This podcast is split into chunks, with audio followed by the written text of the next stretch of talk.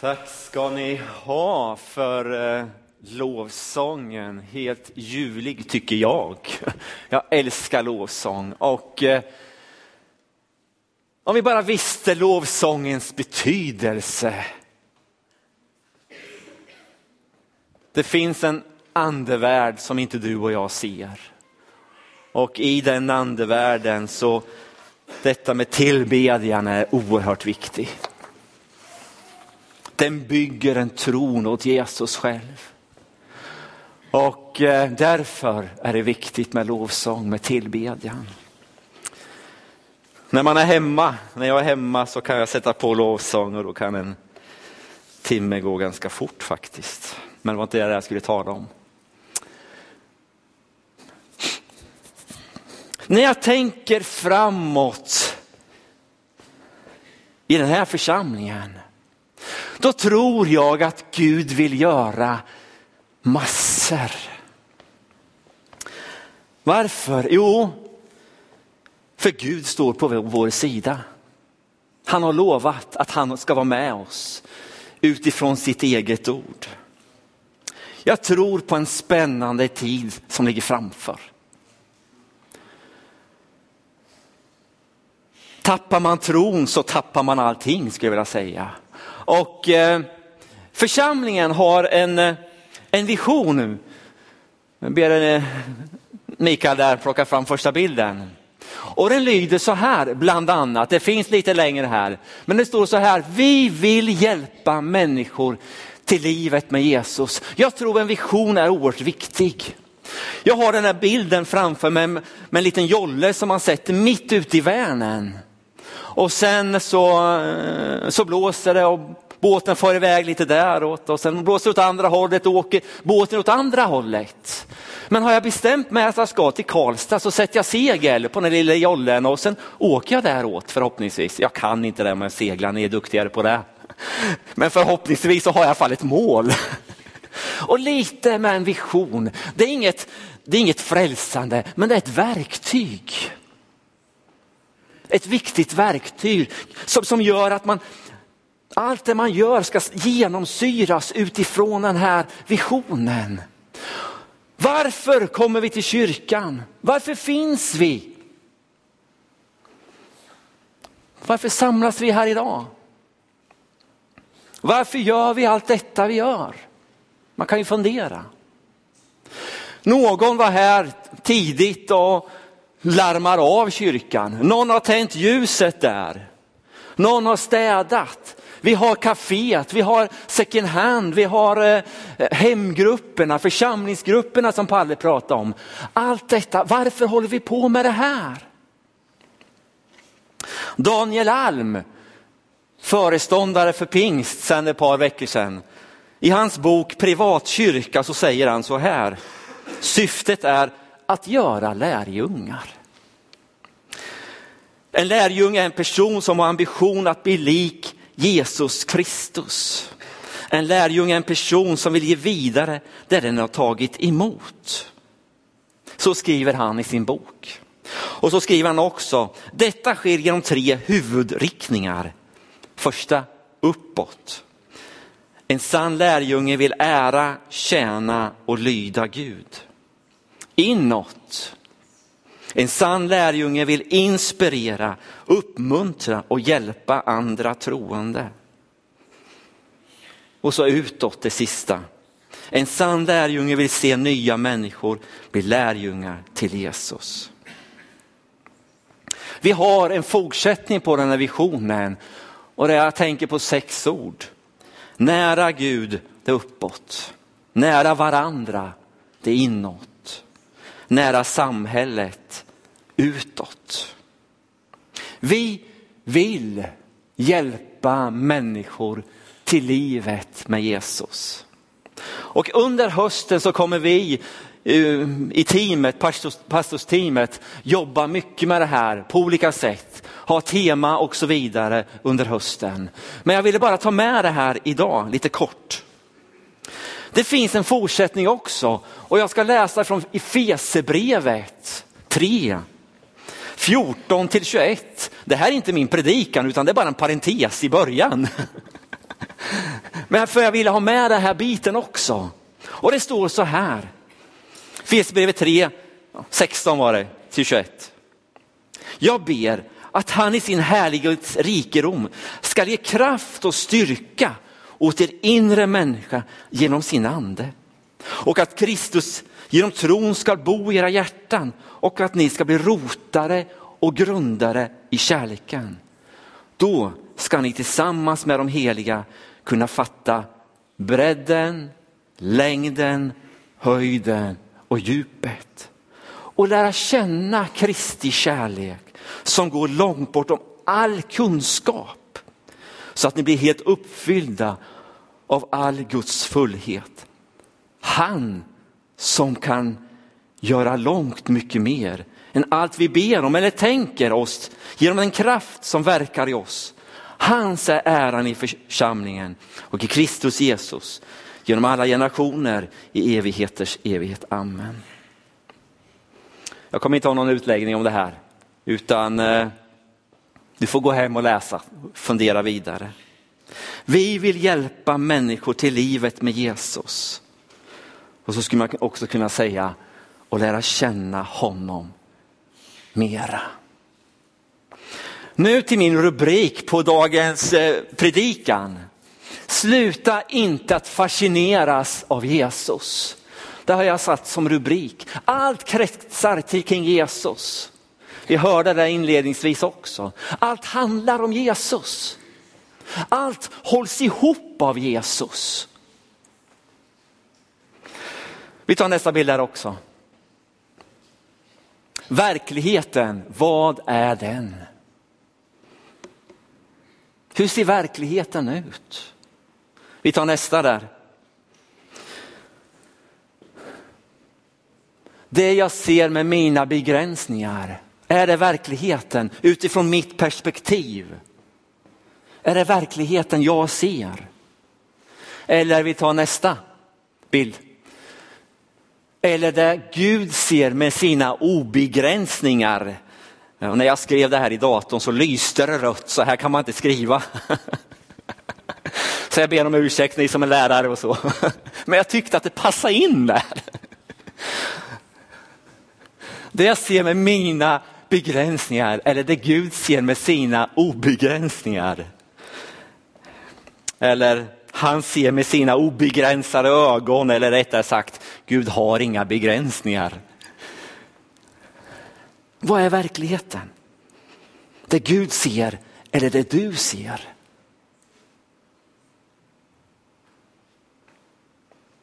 Verkligheten är större än det vi ser.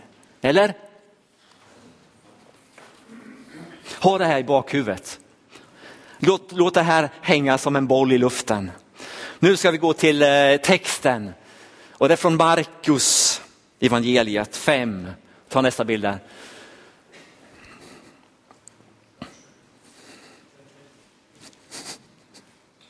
Markus 5, 21-24. Jag kommer utgå från det här kapitlet idag. Det står så här, när Jesus hade farit tillbaka med båten till andra sidan sjön samlades en stor folkskara hos honom där han var vid sjön. En eh, synagogföreståndare som hette Jairus kom dit och då han fick se Jesus föll han ner för hans fötter och bad honom enträget. Min dotter ligger för döden, kom och lägg händerna på henne så blir hon frisk och får leva. Då gick Jesus med honom mycket folk följde efter och trängde sig in på honom. Här kommer en man, Jairus. Han kommer till Jesus och han böjer knä inför Jesus och säger hjälp mig, jag behöver hjälp. Min dotter är sjuk, hon är döende. Jesus säger visst ingenting, men han följer med. Och det var mycket folk, stod det. De trängde sig på. Man skulle också kunna säga pressade hårt samman om man nu vill leka lite. Men här, här är Jesus på väg. Massor med folk. Och så händer någonting. Någonting händer. Ja, men Jesus var ju på väg till A, från A till B och då får inget hända heller. Nej, men läsa vidare, nästa bild där. Vi läser från eh, vers 25 till 34 också. Det var en kvinna som hade haft blödningar i 12 år. Fast hon hade lidit mycket hos många läkare och lagt ut allt hon ägde hade hon inte fått någon hjälp. Det hade bara blivit sämre med henne. Hon hade hört talas om Jesus och nu kom hon bakifrån i folkmassan och rörde vid hans mantel. Hon tänkte, om jag så bara rör vid hans kläder blir jag frisk. På en gång upphörde hennes blödningar och hon kände i kroppen att hon var botad från sin plåga. När Jesus märkte att det hade gått ut kraft från honom vände han sig om i folkskalan och frågade, vem rörde vid mina kläder? Hans lärjungar sa till honom, du ser ju hur folket tränger sig in på och du frågar, vem rörde vid mig? Han fortsatte att se sig omkring efter kvinnan som hade gjort detta.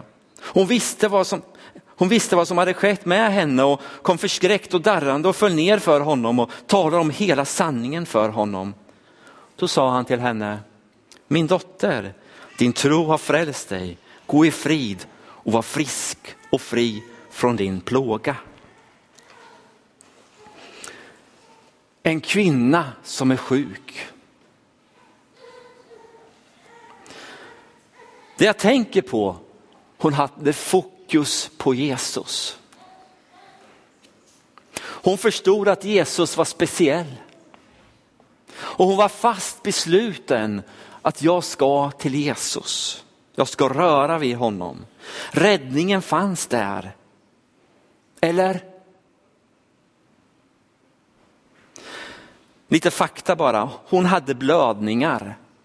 Hon var oren. Du kan läsa om det i tredje Mosebok om du vill sen, kapitel 15. Att vara oren så innebär att man fick inte tillbe Guds hus. Man fick inte vara med, vara med sina vänner. Andra trodde säkert att hon var extra syndig. Andra som tog kontakt med henne blev också orena. Och skulle hon ta tag i Jesus, då skulle ju han bli oren. Och hon fick inte vara på en allmän plats. Hon hade en svår sjukdom som inte gick att bota hon hade bara blivit sämre. Det står många läkare. Ingen kunde hjälpa henne. Hon hade lagt ut alla sina pengar men det hjälpte inte. Hon var fattig. Tolv tunga, hemska år. Jag vet inte om hon hade familj innan, men den var nog borta nu. Ensam, övergiven. Kvinnan var ett fullständigt hopplöst fall. Hon var i botten, så långt ner man kan komma. Där var hon. Men i vers 27 så står det att någon hade berättat om Jesus för henne. Någon hade gjort det. Om det var en eller flera, det vet vi inte. Och vi vet inte vad de hade sagt heller till, till kvinnan. Men någon hade berättat för henne. Ja men hon var ju sjuk i tolv år. Det var ju långt innan Jesus började sitt, eh, sitt eh, arbete så att säga.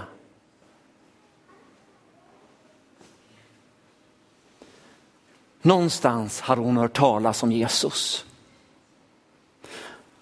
Jesus, han var speciell. Han såg kvinnor på ett speciellt sätt. Han såg till och med barnen och han kunde göra människor friska. Det här hade hon hört och inom henne så började någonting att växa. En tro på att tänk, tänk om han kan hjälpa mig i min situation där jag lever i denna misär. Tänk om, om man kan hjälpa mig. och tron växer. Men så känner hon, nej men jag är ju oren, jag kan ju inte gå ut bland människor. Det går ju inte. Jag är ju förpassad till den här platsen, här ska vi vara, vi som är orena. Jag får inte gå in bland människor. Jag får inte röra, röra mig där. Tänk om jag blir igenkänd, då blir jag straffad. Men ändå så växer den här tron inom henne, inom henne. Hon tar beslutet och går iväg. Jag ska till Jesus. Om jag så ska bara röra vid hans mantel, hans kläder, så ska jag göra det. Tänk om jag får uppleva det där som alla andra pratar om. Hon börjar gå. Hon sveper sjalen över sig för att inte bli igenkänd. Hon går där med rädda, tveksamma steg. Hon kanske tittar bort. Ska jag gå tillbaka eller hur ska jag göra? Hon tvekar. Du kan bara fantisera själv hur det gick till. Hon är på väg. Hon kommer närmre och närmre. Hon ser människorna. Helt plötsligt så är hon bland människor. Tänk om de bara visste, jag är oren. Och de nuddar vid mig nu, de är orena. Men hon fortsätter och hon har fokus på Jesus. Jag ska till Jesus. Jag ska röra vid honom.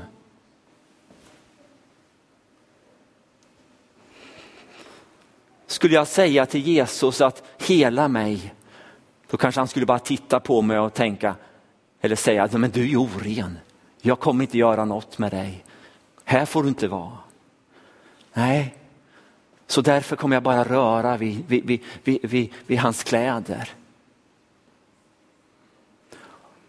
Och det blir mer och mer folk. Tränger på står det i vers 31. Pressa hårt. Och där bland alla människor, där är hon helt plötsligt. Hon som inte får vara bland människor. Hon gör sig osynlig, hon gör sig så liten som möjligt och så sträcker hon fram den där handen och rör vid Jesus. Ett under sker. Hon känner i kroppen.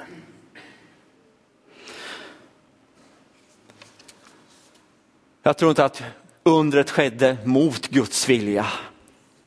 Det var inget magiskt, magiskt i kläderna. Jag trodde att Guds son hade koll på läget.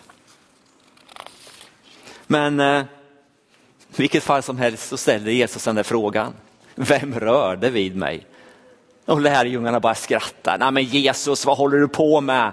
Vi står ju här som packade sillar och så säger du, vem rörde vid mig? Va? Varför ställer han frågan? Man kan ju bara fundera. Det var en viktig fråga skulle jag vilja säga. Det var för kvinnans skull som han frågade. Om inte hon blev friskförklarad så skulle hon fortfarande vara oren i människors ögon. Hon kliver fram och berättar vad som har hänt, hur hon tänkte och alltihopa. Och säger, ja, jag är frisk nu. Och Jesus han bara stryker under det, ja det stämmer. Och så kommer de här orden som Jesus säger till kvinnan, som egentligen, hon skulle ju straffas. Vi läser vers 34. Vi tar nästa bild där, tack. Min dotter, din tro har frälst dig. Gå i frid och var frisk. Gå i frid och var frisk och fri från din plåga. Jag tycker det är så vackert, ursäkta men jag tycker det. Min dotter. Har du smakat på de här orden? Min dotter, säger Jesus till den här kvinnan. Det finns en relation, det finns en koppling mellan Jesus och kvinnan. Det är enda gången som Jesus använder ordet dotter. Ingen anklagande ton. Inte någon ton av att jag ser ner på dig. Nej, utan uppmuntrande. Min dotter. Jesus lyfter upp kvinnans status istället mot vad fariseerna skulle ha gjort. Jesus han använder orden min dotter. Nu är hon hans dotter. Det här är mäktigt tycker jag. Ha? Vilken berättelse. E-, en enorm berättelse. Då Jesus bara var på väg från A till B och så händer det här. Detta är min Jesus. Det är honom jag får tro på. Ha? Detta är vår Jesus som ser den lilla människan i den där situationen det ingen annan skulle bry sig om. Men Jesus såg henne och han säger min dotter, du är något speciellt för mig. Jag älskar dig. Du betyder någonting för mig. Hon blir medlem. Hon tillhör familjen. Hon får arvsrätt. Hon blir frälst står det, räddad. Hon eh, kanske blir en efterföljare till Jesus, en lärjunge. Vad jag ser så, så, så nämns det inte så mycket mer om den här kvinnan. Men hon kämpade sig fram bland allt folket. Hon hade en tro på honom. Hon bestämde sig, jag ska röra vid hans kläder. Vilken skillnad är det inte mellan massorna som är i närheten av Jesus och de få som sträcker sig ut och rör vid honom. Många är bekanta med honom på avstånd och, men ingenting i deras liv har ändrats eller förbättrats genom deras ytliga bekantskap. Det är bara ett vidrörande i tro som kan utlösa Guds kraft. En handling, en tro. Ja, men hur stor ska den tron vara? Den kan vara pytteliten. Räcker med ett ord. Hjälp, hjälp mig. Då finns Jesus där och vill möta. Känner du Jesus på avstånd eller har du sträckt dig ut efter honom? Sluta inte att fascineras av Jesus. Vi tar nästa bild där. Sluta inte att fascineras av honom. Se vem man är i Bibeln. Se, se författarna hur de målar upp Jesus. Den heliga ande målar bilder för oss så att vi ska mer och mer se vem han är. Sluta inte att fascineras av honom. Han som har allt i sin hand. Verkligheten är större än den vi ser. Det jag fastnade vid det var kvinnans målmedvetenhet. Jag ska till Jesus. Mot alla odds, jag ska till honom. Hon var fokuserad, hon såg det här. Det här kan finnas en, en hjälp, det här kan finnas räddning i det här. Och det blir en fråga till dig och mig, vänder vi oss till Jesus? Ibland är det som vi har slutat att fascineras av honom. Jag vet inte hur det är med dig. Jag är född i en, eh, i en pingkyrka tänkte jag säga. Nej, jag är född på BB. Men jag är uppväxt i, i eh, en pingkyrka. Och man har hört de här berättelserna. Du kanske inte har gjort det. Och när du får höra en berättelse så bara oj, wow. Men jag har ju hört om det här brödundret, eller vad det nu är, massor gånger. Då Jesus hade några brödbitar och så blir tusentals människor mätta. Jag har ju hört det så många gånger. Det är så lätt att man slutar och fascineras över ordet, det som står. Hjälp mig. Det är som penicillin, det som inte biter på bakterier längre.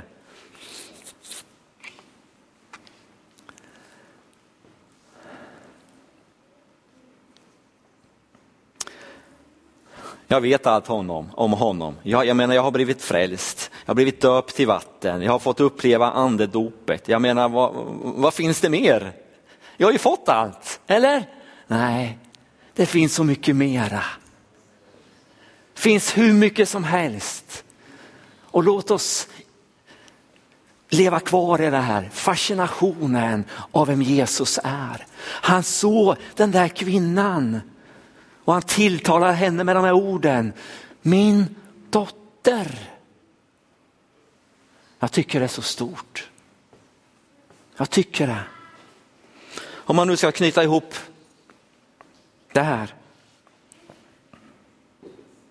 Så är det bara, oj, vilken bok vi har att gräva ur.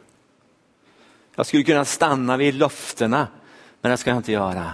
Guds löfte till dig och mig som bär oss genom mörka passager, som bär oss när livet är tungt. Oj, vad mycket det finns.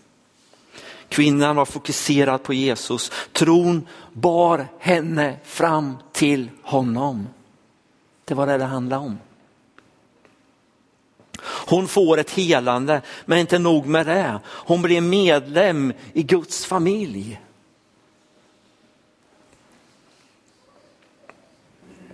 Hon får en upprättelse. Hon får en arvsrätt. Och Jesus han är likadan idag.